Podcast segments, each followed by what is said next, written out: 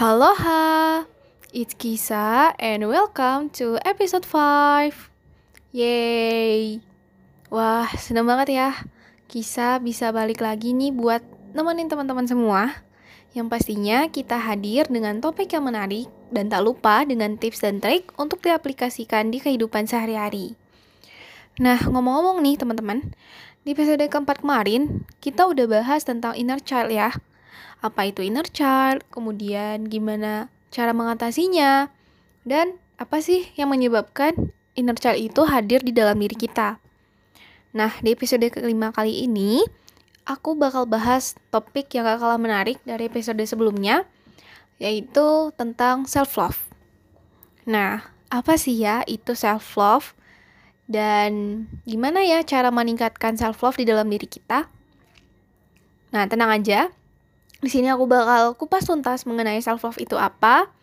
Dan buat teman-teman yang sudah pernah bahas tentang apa itu self love dan udah pada tahu nih cara mengatasinya, yuk kita bisa sama-sama diskusi dan teman-teman bisa banget nih ngasih komen dan ngasih saran buat kita tentang topik apa nih yang bakal kita bahas di episode selanjutnya di laman IG Menentas.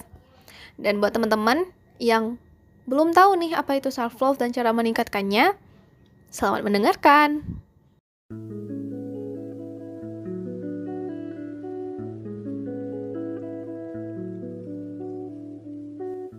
Pernah gak sih kamu mengkritik diri sendiri abis ngelakuin suatu kesalahan dengan kalimat-kalimat negatif?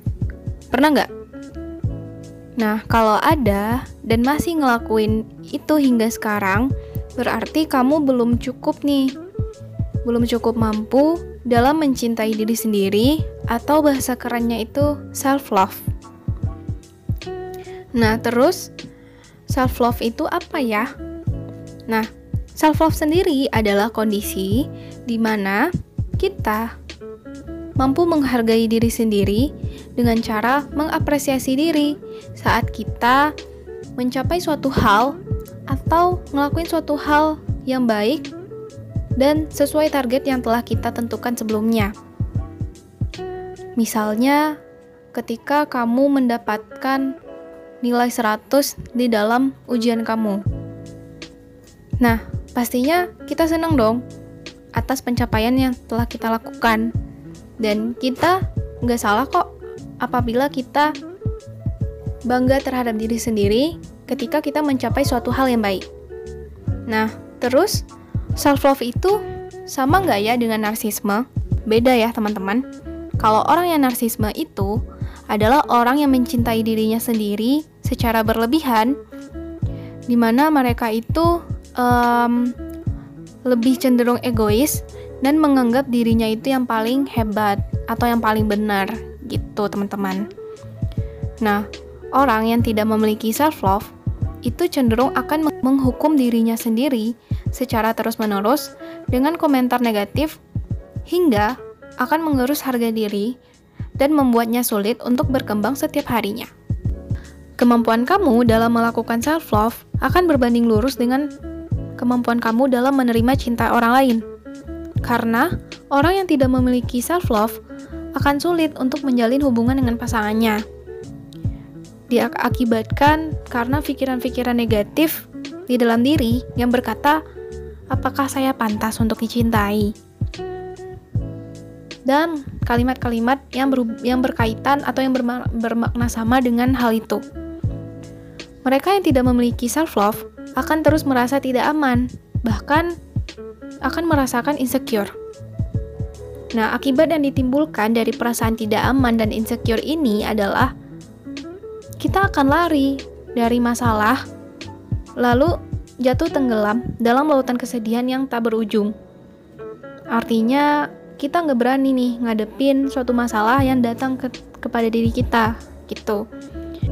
Abis itu nih, orang yang belum sepenuhnya mencintai diri sendiri, itu akan cenderung um, memiliki keseimbangan emosi yang belum tercapai, yang mengakibatkan seringnya memiliki konflik dengan orang lain. Nah, gitu teman-teman.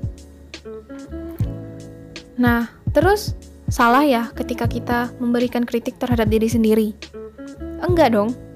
Memberikan kritik terhadap diri sendiri itu enggak sepenuhnya salah. Justru, terkadang dengan kritikan itu, kamu bisa uh, lebih kepanish lagi untuk berubah menjadi orang yang lebih baik dan berkembang ke depannya. Namun, ketika kamu mengkritik diri kamu secara terus-menerus dengan kalimat-kalimat negatif, itu bakal menyebabkan diri kamu sendiri itu masuk ke dalam lubang depresi. Bahkan tak sedikit yang bisa sampai bunuh diri karena benci terhadap diri sendiri. Please deh, jangan sampai ada yang seperti ini ya teman-teman.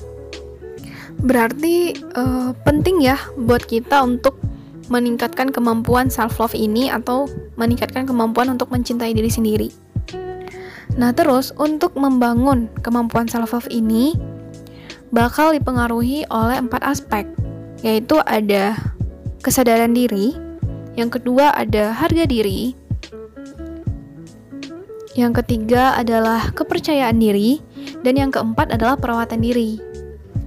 Nah, keempat aspek ini itu bakal saling berkaitan nih satu sama lain. Nah, buat teman-teman yang ingin meningkatkan kemampuan self love, bisa disimak nih penjelasan dari keempat aspek berikut ini. Yang pertama itu adalah self awareness atau kesadaran diri. Nah, sadar di sini maksudnya adalah kita harus mampu nih, harus mengenal dan memahami karakter diri kita. Sebenarnya saya itu orangnya seperti apa sih? Dan apa ya kelemahan dan kekuatan yang ada di, di dalam diri saya gitu. Nah, mengenal diri sendiri ini merupakan langkah awal untuk kamu agar bisa menemukan dan mengembangkan self love ini. Dengan kamu mengenal diri sendiri lebih jauh, kamu jadi bisa lebih menentukan arah ke mana kamu mau menuju. Layaknya sebuah kapal, kamu adalah nahkoda di dalam kapal kamu sendiri, bukan orang lain nih yang menentukan arah kapal kamu dan tujuan kapal kamu, melainkan diri kamu sendiri. Nah, dengan mengenal diri sendiri, kamu jadi bisa lebih matang nih dalam mengambil sebuah keputusan. Dengan begitu, kamu bisa lebih mudah dalam menyesuaikan kondisi emosi dan cara kamu menyikapi suatu permasalahan yang datang terhadap diri kamu. Terus yang kedua ada self-worth atau harga diri. Self-worth ini adalah suatu prinsip yang dimiliki oleh seseorang setelah dia mengenal dirinya sendiri. Nah, self-worth akan hadir ketika seorang sudah menyadari bahwa dia itu tidak perlu nih mengikuti standar penilaian orang lain karena dia sudah mengetahui apa yang menjadi standar untuk dirinya sendiri. Jadi ketika kita sudah punya harga diri nih, kita tuh nggak perlu terlalu mementingkan uh, apa yang orang lain bicarakan atau apa yang orang lain tentukan terhadap diri kamu sendiri gitu. Nah, terus yang ketiga ada self esteem atau kepercayaan diri. Nah, kepercayaan diri ini bakal muncul di dalam diri kamu setelah berhasil meningkatkan self awareness dan self worth tadi. Nah, berbagai cara yang bisa kamu lakuin untuk meningkatkan kepercayaan diri terhadap diri sendiri adalah dengan mengurangi membanding-bandingkan diri kamu terhadap orang lain. Nah, karena kita harus sadar ya bahwa setiap orang itu memiliki karakteristik yang berbeda-beda, punya kelebihan dan kekuatannya masing-masing. Jadi kita nggak usah membandingkan diri kita dengan orang lain gitu. Cukup kita berusaha untuk meningkatkan dan mengembangkan kemampuan yang ada di dalam diri kita, serta meminimalisir kekurangan yang ada di dalam diri kita sehingga tidak akan menghambat kita untuk terus maju ke depannya. Terus nih ya, yang keempat, setelah kita berhasil membangun self-awareness, kemudian self-worth, self-esteem, nah yang keempat adalah self-care, yaitu perawatan diri. Nah, self-care adalah suatu tindakan yang dilakukan seseorang untuk menjaga kesehatan dirinya sendiri, baik itu secara fisik maupun secara mental. Nah, cara yang bisa kamu lakuin untuk meningkatkan kesehatan diri ini adalah dengan ngelakuin hal-hal yang kamu suka. Misalkan nih, kamu udah selesai belajar, kamu udah selesai ngelakuin kegiatan. Nah, di waktu luang itu kamu bisa ngelakuin suatu kegiatan yang bermanfaat. Misalkan dengan berolahraga atau mendengarkan musik, menonton, atau menghabiskan waktu bersama orang-orang yang kamu sayangi dan masih banyak lagi. Nah, buat kamu nih yang masih aja mencaci maki diri sendiri atau membandingkan diri sendiri dengan orang lain, yuk kita lebih mencintai diri sendiri dan itu bisa kita mulai dengan menerapkan keempat langkah yang udah aku sebutin tadi.